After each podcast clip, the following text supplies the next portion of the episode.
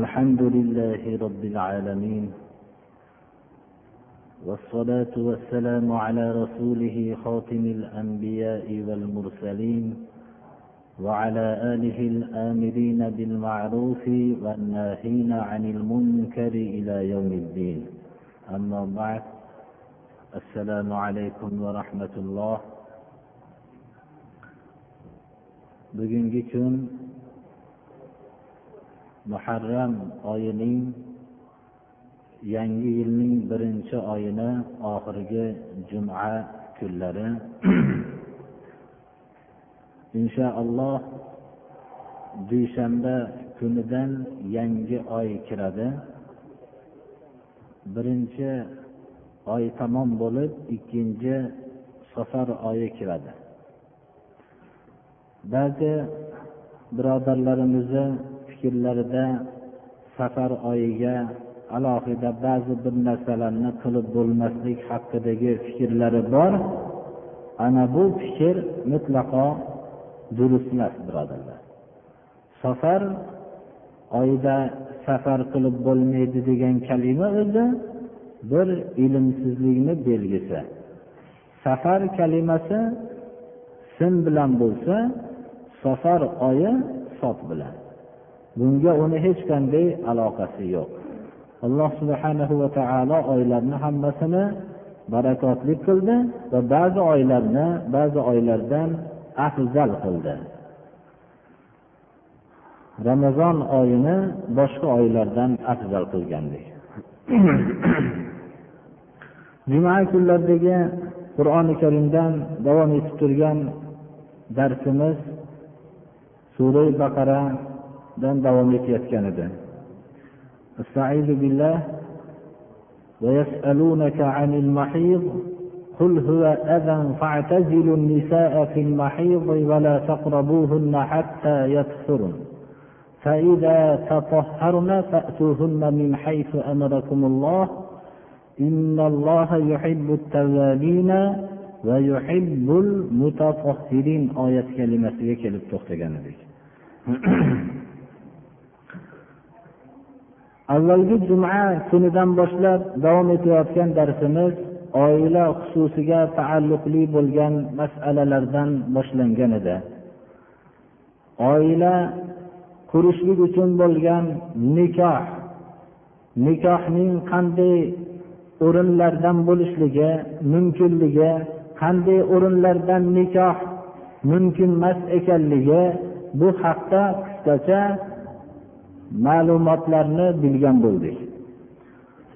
Oila qurilgandan keyin oiladagi o'zi oila qurishlikdan asl maqsad bo'lgan hayotning davomati naslning o'zidan keyin qoldirishlik hamma mavjudotga fitrat bo'lgandek insonga ham hech bir o'zgarib bo'lmaydigan hech kim tarafidan alloh subhanahu va taolo uning tabiatiga o'rnatgan naslni qoldirish hayotning davomati uchun bo'lgan kurash tabiatini olloh o'rnatdi. Buni hech kim buni olib tashlashlikka kuchi yetmaydi va ko'p oilani e'tibor qilmagan maslaklar ham oilaning haq oila albatta jamiyatning birinchi g'ishti ekanligini tan olishdi mana. Bu oiladagi har xil odoblar shularni hammasini qur'oni karim mana bu keyingi oyatlarda bayon qiladi. Avvalgi darslarimizda aytib o'tganimizdek ashobi ikromlar avvallari o'zlarining shaxsiy hayotlarida ham ijtimoiy hayotlarida ham iqtisodiy hayotlarida ham hech qanday qonunga bo'ysunmasdan havo qonuniga bo'ysunib yashashardi. Islom kelgandan keyin ular payg'ambarimiz sollallohu alayhi vasallamdan o'zlari haqida masalalarni savol qilishardilar. Ba'zi vaqtlarda iqtisodiyotga taalluqli bo'lgan nima narsalarni infoq qilishlik haqida savol qilishardilar. Mana bu savollar ularning qalblari butun bir boshqa olamga o'tganligiga dalolat qiladi. Ana shunga o'xshagan hozirgi biz o'qib o'rganmoqchi bo'lgan oyat kalima ham o'zlarining shaxsiy hayotlarida endi tamoman havoyi nafslari bilan yurgan kishilar islomni qabul qilgandan keyin hatto o'zlarining oilalariga bo'lgan munosabatlarda qanday bo'lishligini savol qilishardilar. Bu savol o'ziga xos bir kuchli dalolatlikki endi ular ollohning qonuniga kirdik. Endi har bir hayotimizdagi ishlar ollohning qonuniga muvofiq bo'lmoqligi kerak bundan zarracha o'zgarmasligi kerak. Hatto o'zlarining oilalariga bo'lgan munosabatlarda hatto ko'rpa sirlariga taalluqli bo'lgan masalalarda ham ollohning qonunidan zarracha tashqariga chiqmaslik kerak ekanligini his qilganliklariga dalolat qiladi. Ey muhammad alayhissalom deydi alloh taolo sizdan ayollarning uzrlik holatida ular bilan muboshara qilishlik haqida savol qilishadilar. Halolmi yoinki harommi? Mana bu haqda ham suol qilishadilarki olloh bizga shu haqda nima hukm qiladi deb suol qilishadilar.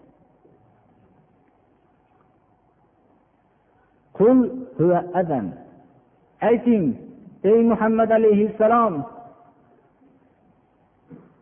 uzrlik holatda ya'ni hayz holatida ular bilan muboshara qilish ikkala tarafga ham zarardir.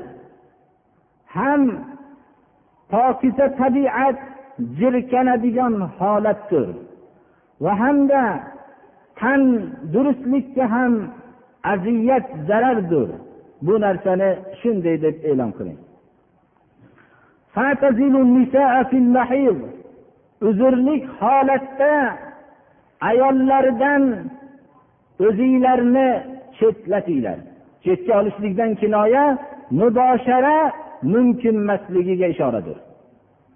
Bundan birga ovqatlanish yoyinki birga suhbatlashish yoyinki boshqa mubosharadan boshqa qo'shilishlikdan boshqa masalalarga taalluqli bo'lgan amallar mumkin. Lekin faqat muboshara qat'an shariati islomiyada harom qilingan.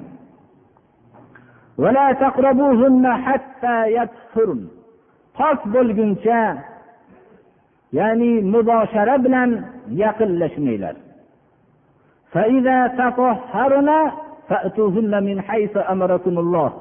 Pok bo'lishgandan keyin bu muboshara ham alloh subhanahu va taolo buyurgan fitrati salima qabul qilgan olloh buyurgan nasl qoldirishlikdan bo'lgan maqsad bilangina yaqinlashinglar.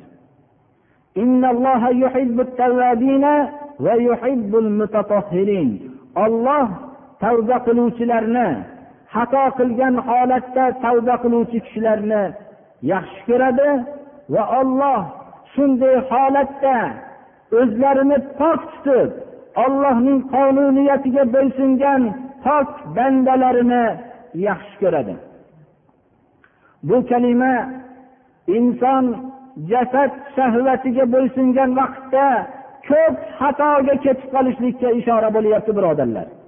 Xususan maxfiy o'rinlarda qolganda jasad shahvatiga jasad shahvatining gapiga kirishlik natijasida inson xato qilib qo'yishligiga ishora bo'lyapti. Xato qilgan vaqtda darrov ollohga tavba qiluvchi kishilarni olloh suyadi. Va shunday uzrlik holatlarda o'zlarining ollohni qonuniyatiga bo'ysundirib o'zlarini pokiza tabiat jirkanadigan narsalardan pok saqlagan bandalarini suyadi نساؤكم حرث لكم فأتوا حرثكم أن شئتم وقدموا لأنفسكم واتقوا الله واعلموا أنكم ملاقوه وبشر المؤمنين qur'oni karim ayollarni ba'zi o'rinlarda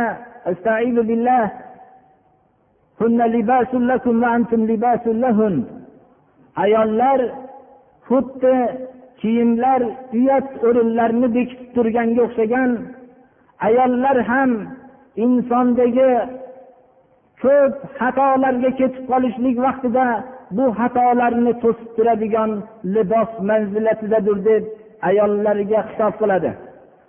Erkaklarga ayolinglar sizlarga xuddi aybiylarni bekitib turadigan libos qanday manzilda bo'lsa jamiyatda bir xatoga ketib qoladigan vaqtinglarda sizlarga bu xatolardan to'sib saqlab turadigan libos deyishyaptilar. Bizlarning musulmon millatining ayollari ham o'zlarining turmush o'rtoqlariga ayblarini to'sib turadigan libos bo'lishyaptilarmi? bir o'zlariga savol qilib ko'rishsinlar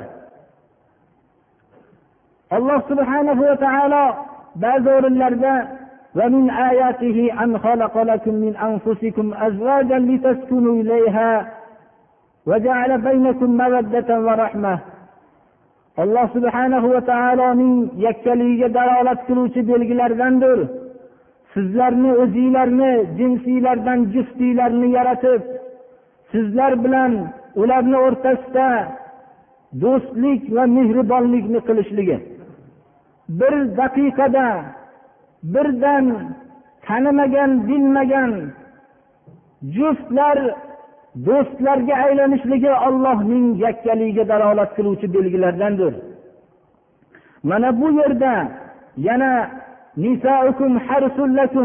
sizlarning ayolinglar sizlarning kelajakdagi avlodinglar nasllarni qoldiradigan bu nasl ekinzori deb alloh subhanahu va taolo yod qilyapti. Hayotning davomatiga sabab bo'ladigan manzil deb yod qilyapti. Xohlaganinglardek muboshara bilan o'zinglarning nasl ekinzoriylarga kelinglar deb alloh subhanahu va taolo ularning hammalarini asl bo'lgan naslning qoldirish o'rnida bu ham alloh subhana va taoloning qonuniyatiga bo'ysungan holatda bo'lishligini bu amal ollohning huzuriga jo'natadigan yaxshi amal ekanligiga ishora qilib hatto jasad shahvatini o'talayotgan vaqtida ham oxiratga sizlar yaxshilik amalini qoldiringlar dedilar.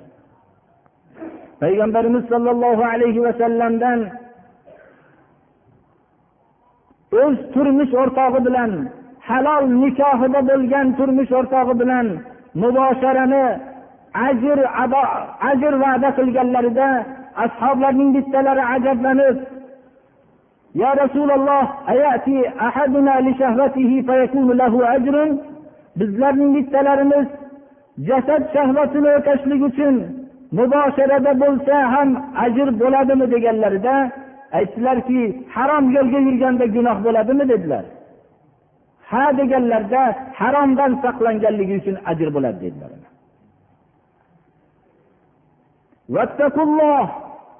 Bu jasad shahvatlarni o'tayotgan vaqtda ollohning qonuniyatidan tashqariga chiqishlikdan qo'rqinglar ollohdan ana shunday soatlarda ham sizlar ollohga ro'baro bo'luvchi ekaninglarni yaxshi esinglarga olinglar. Ollohga banda ro'baro bo'lishligini bilishligi bir tarafdan quvonchli bo'lsa gunohlar esga tushganda juda ham tashvishlidir birodarlar. Ana bu narsa ollohga ro'baro bo'lishligini bilishlik bunday ibodat soatlardagina bilishlik emas balki jasad shahvatini o'talayotgan vaqtda ollohga ro'baro bo'lishligini bilishlik mana shundagina foyda qiladi. Inson shunda o'zini ollohning qonuniyatidan tashqariga chiqmasligiga bu vaqtdagi ollohni ro'barosida turishligini bir hisob qilishligi uni pok amallarga olib boradi va xato qilganda tavba qilishligiga sabab bo'ladi. O'zini bunday jirkanch holatlarda gunoh yo'llariga jasad shahvati sababli kirib ketishligidan saqlaydi. Ana shunday vaqtlarda ollohniga ro'baro bo'lishligini bilib har bir ishini ollohning hukmiga muvofiq qilgan iymonli sifatli kishilarga ularga bashorat beringki yaxshi mukofotlar bilan.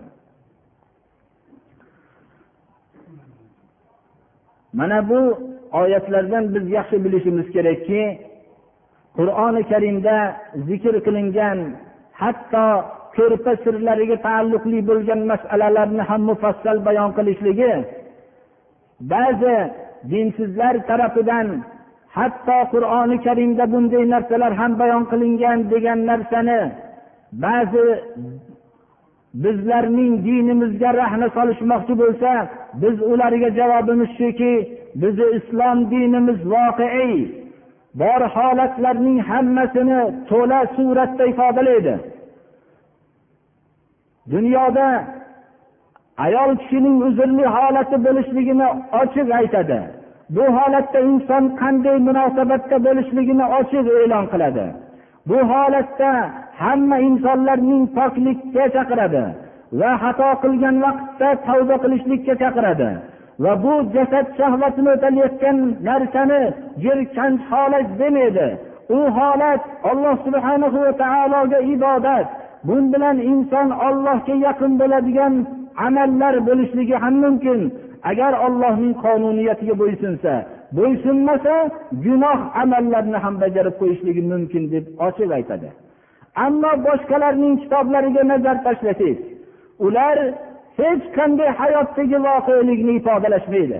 Bizni islom dini bu bayonlar bilan nikohdagi holatlarni e'lon qilishlik bilan hammasini o'zining voqeiy hayotda insonni inson deb xuddi inson shaklida tasvirlaydi. Uning hamma mayilliklari hamma narsalari bilan to'la ifodalaydi.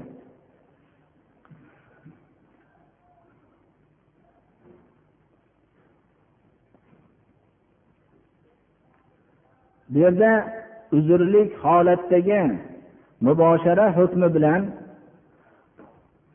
ilo hukmiga qur'oni karim ko'chib ya'ni ilo deb uzoq vaqt o'zini turmush o'rtog'idan birga muboshara qilishlikdan uzoq vaqt chetlatishlikka bo'lgan qasam degan ma'noni bildirishlikdan qasam ma'nosini bildirishlikdan ilgari qasam haqida qur'oni karimda bir oyat keladi استعيذ بالله ولا تجعلوا الله عرضة لأيمانكم أن تبروا وتتقوا وتصلحوا بين الناس والله سميع عليم oyat kalimaning mazmuni yaxshilik qilmayman deb taqvo ishlarini qilmayman deb odamlar o'rtasini isloh qilmayman deb qasam ichgan bo'lsanglar yaxshi ishlarni qilmaslikka xullas qasam ichgan bo'lsanglar bu qasaminglarga ollohni ko'zbalang qilib men qasam ichib qo'yganman deb yaxshilik qilmasdan yurmanglar. Qasamning buzib qasamni kafforatini to'lab yaxshi ishlarni qilinglar degan mazmunni bildiradi.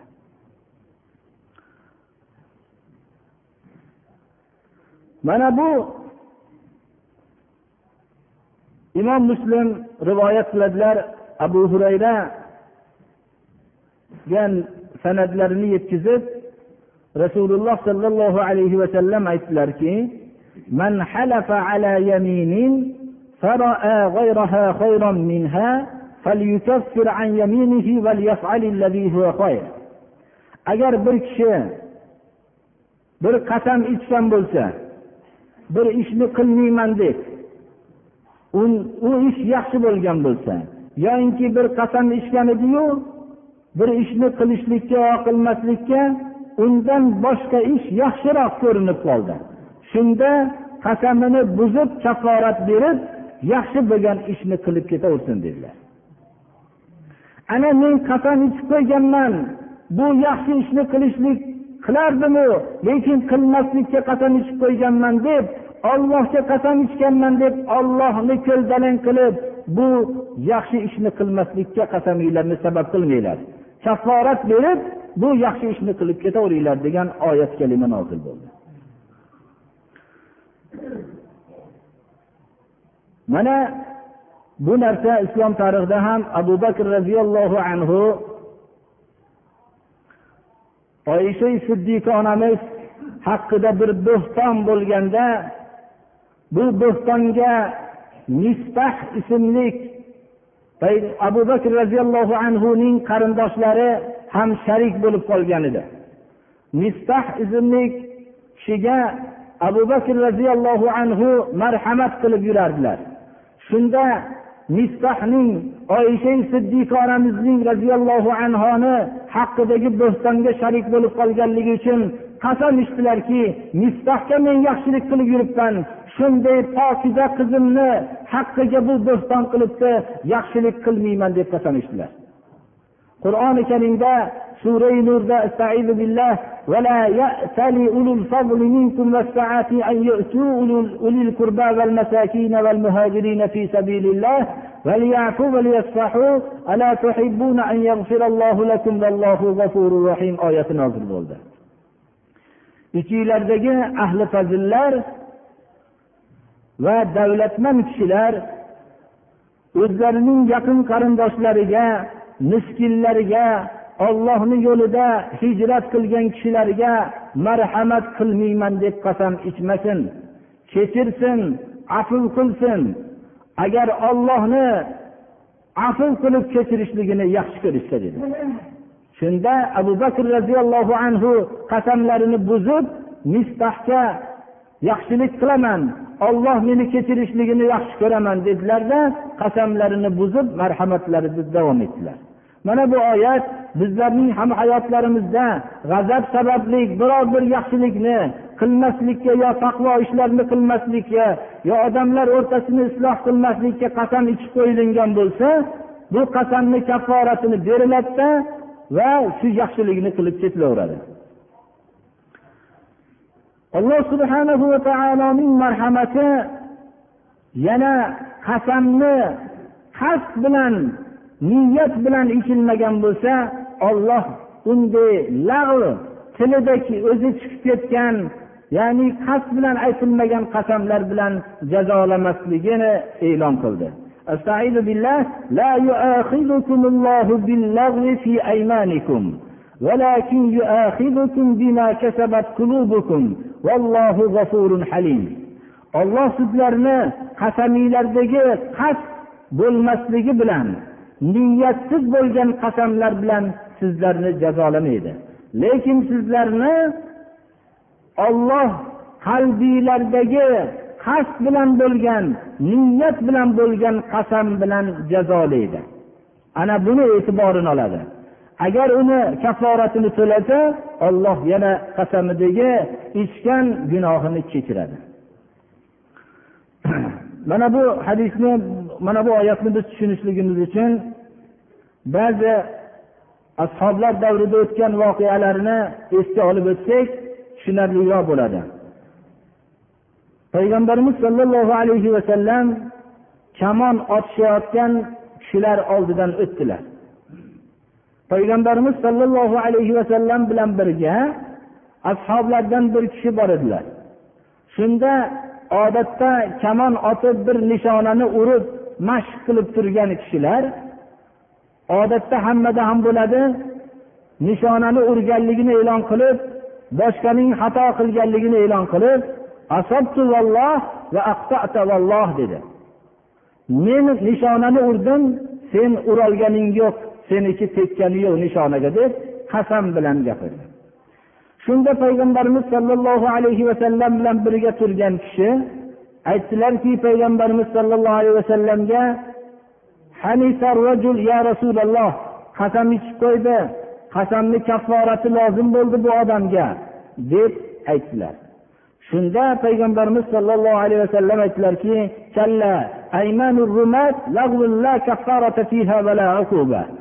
mergan odamlarni qasami lag'vi niyatsiz qasam bo'ladi. Bu qiziqqonlik ustida aytilingan so'z. Uning kafforati ham bo'lmaydi jazosi ham yo'q dedilar said ibn musayyabdan rivoyat qilinadiki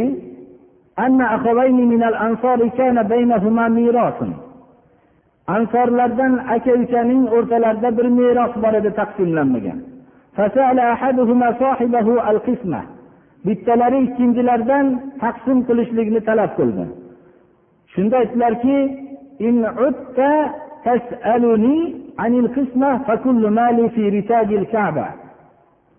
shunda aytdilarki agar mendan yana taqsim haqida so'rasang meni molimni hammasini kabani devoriga qo'yib qo'yaman o'zimniki emas kabani devoriga bo'lsin dedi.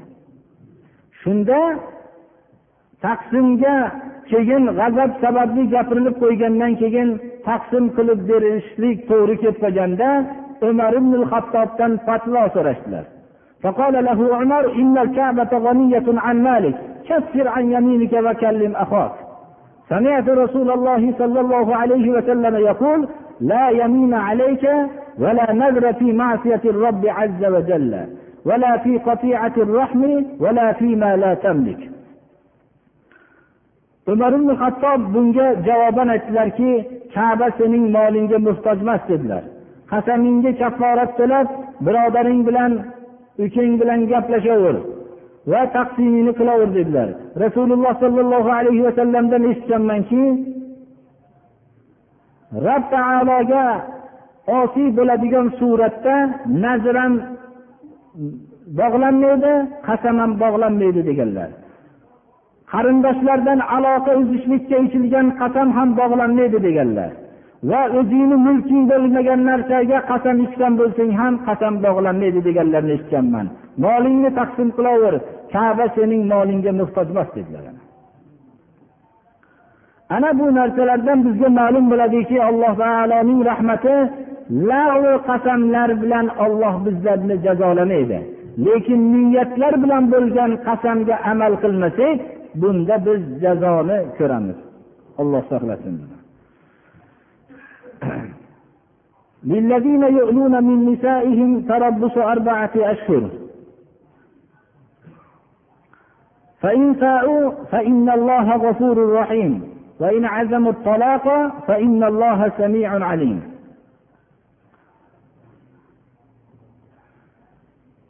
ilo deb aytib o'tdikki o'zini turmush o'rtog'idan uzoq vaqt birga bo'lmaslikka qasam ichishlik yoyinki muddatsiz bo'lgan vaqtga qasam ichishlikdir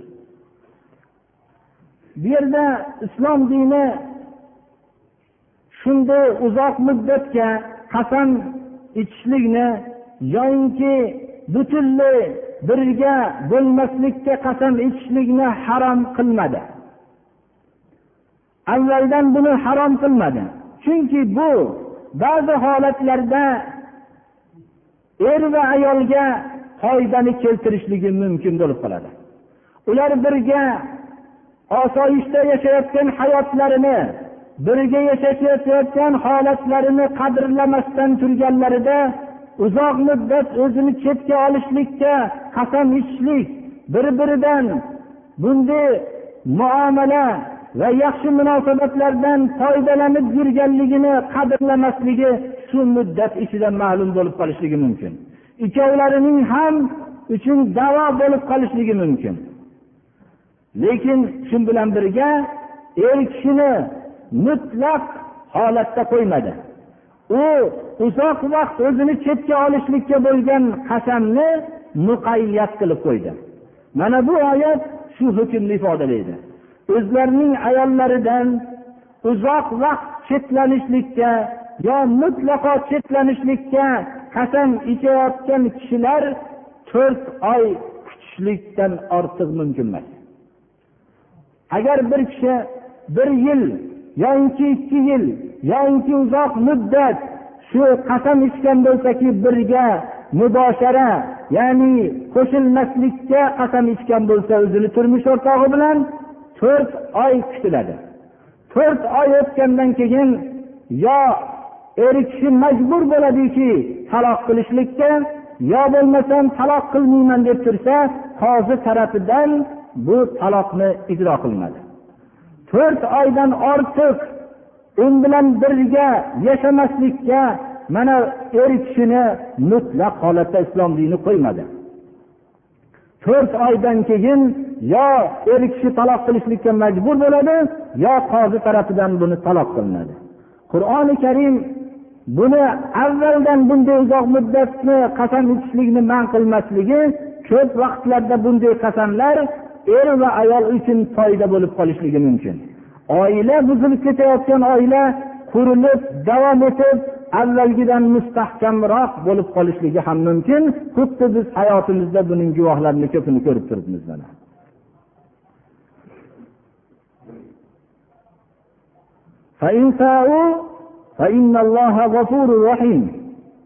Ular to'rt oydan keyin agar taloq qilmasdan birga turmush hayotlarini davom ettirishsalar alloh subhana va taolo bular shu to'rt oy ichida bir birlariga nisbatan qilgan zulmlarini kechiruvchi va mehribon zotdirki erga ham ayolga ham zulm qilmadi alloh taolo. Bu iyloni mutlaq harom qilmadiki. G'azab sababli shu vaqtda qo'yib yuborishlikdan boshqa narsani iloji yo'q bo'ladigan holatni ham qilmadi mehribonligi.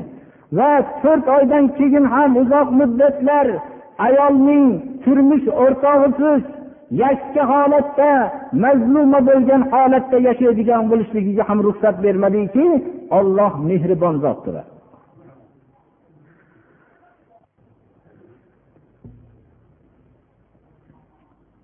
والمطلقات يتربصن بأنفسهن ثلاثة قروء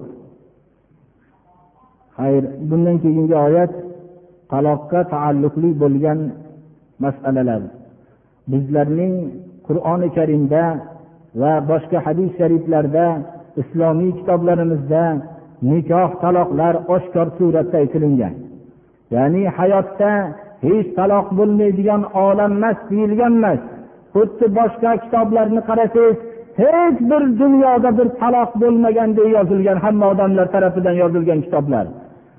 Lekin hayotga nazar tashlasangiz taloqdan boshqa narsa qolmaganga o'xshaydi.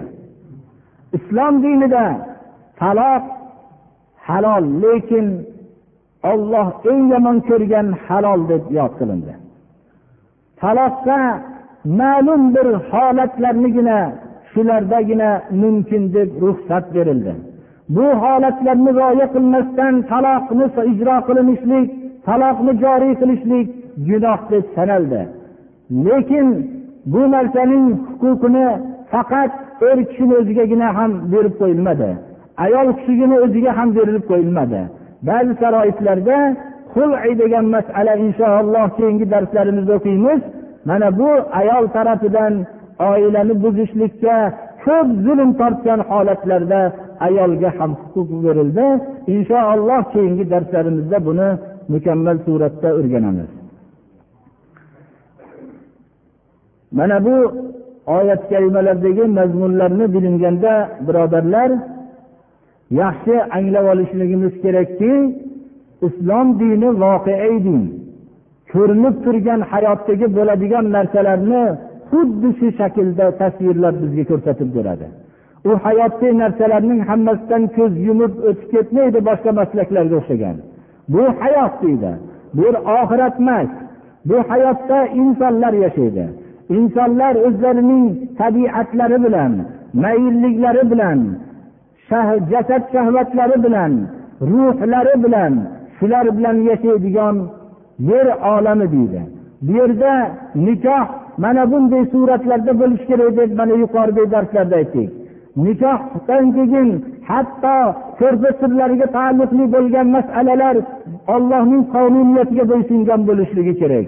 Bular bilan mo'min kishi oxiratga yaxshi ajr qo'lga keltiradigan amallarga aylantirmoqligi kerak. Va o'zi ko'p aziyat chekkan vaqtda turmush o'rtog'iga nisbatan ichadigan qasamlar mana bu suratda bo'lishligi kerak. To'rt oydan ortiq unga jabr berishlikka mutlaqo shariat ruxsat bermaydi.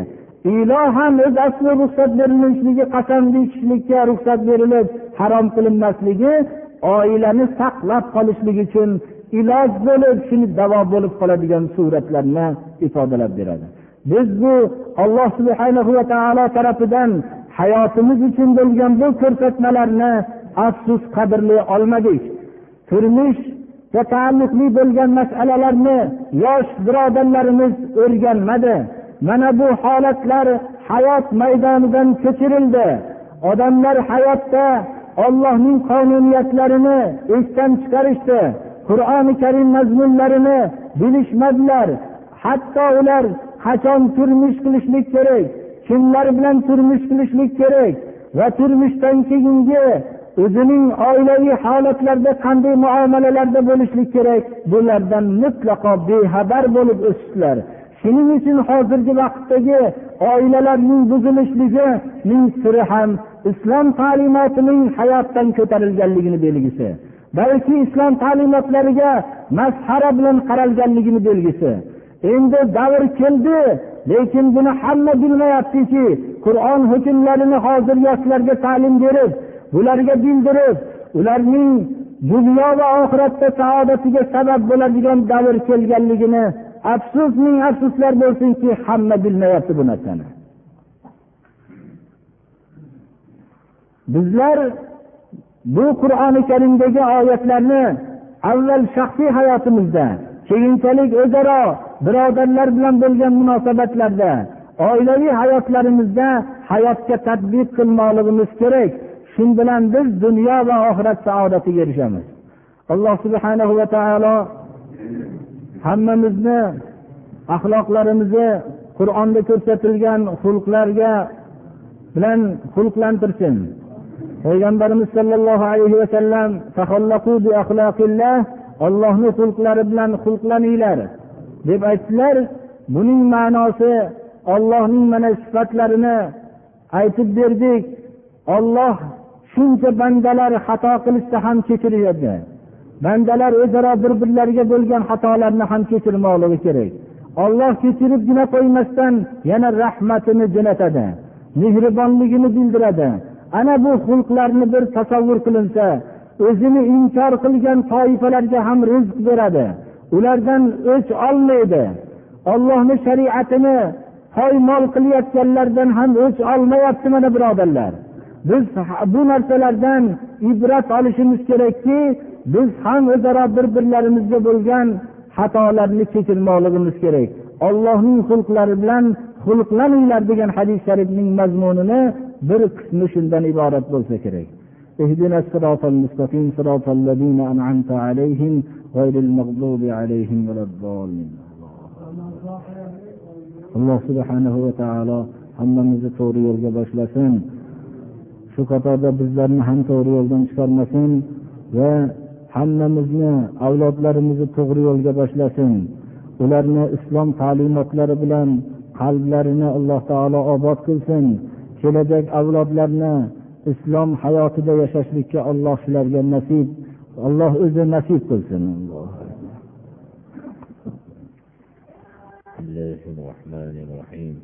اللهم تقبل منا هذه الصلاة واعف عنا مع جميع نقصاناتها بفضلك وكرمك أكرم الأكرمين. ويا أرحم الراحمين. اللهم يسر لنا أمورنا أمور الدنيا والآخرة. وأجرنا من خزي الدنيا وعذاب الآخرة. اللهم استرنا بسترك الجميل. اللهم احفظنا يا سياب من جميع البلايا والأمراض. ربنا اغفر لنا ذنوبنا وإسرافنا في أمرنا وثبت أقدامنا وانصرنا على القوم الكافرين. اللهم أعز الإسلام والمسلمين وأذل الشرك والمشركين. اللهم إنا نعوذ بك من الكفر والفقر والجبن والكسل ومن فتنة المحيا ومن فتنة الممات ومن فتنة المسيح الدجال ومن فتنة عذاب القبر وأن نرد إلى أرذل العمر. اللهم هون علينا سكرات الموت. اللهم أعنا على ذكرك وشكرك وحسن عبادتك. وصلى الله تعالى على خير خلقه محمد وآله وأصحابه أجمعين. الله أكبر آمين. اللهم تقبل منا إنك أنت السميع العليم. اللهم ارحمنا بالقرآن العظيم. واجعله لنا إماما ونورا وهدى ورحمة. اللهم ذكرنا منه ما نسينا وعلمنا منه ما جهلنا. وارزقنا تلاوته آناء الليل وآناء النهار واجعله لنا حجة يا رب العالمين. صلى الله تعالى الله أكبر. الله تعالى إبادة مثل قبل قسم الذي أرى من أخلال مثل مغفرة قسم الذي أرى آخرت كافية إبادة لنزالك كتشنك يزين نسيق ليان قدم ham حسن taolo qadamlariga صلى الله عليه وسلم allohu akbar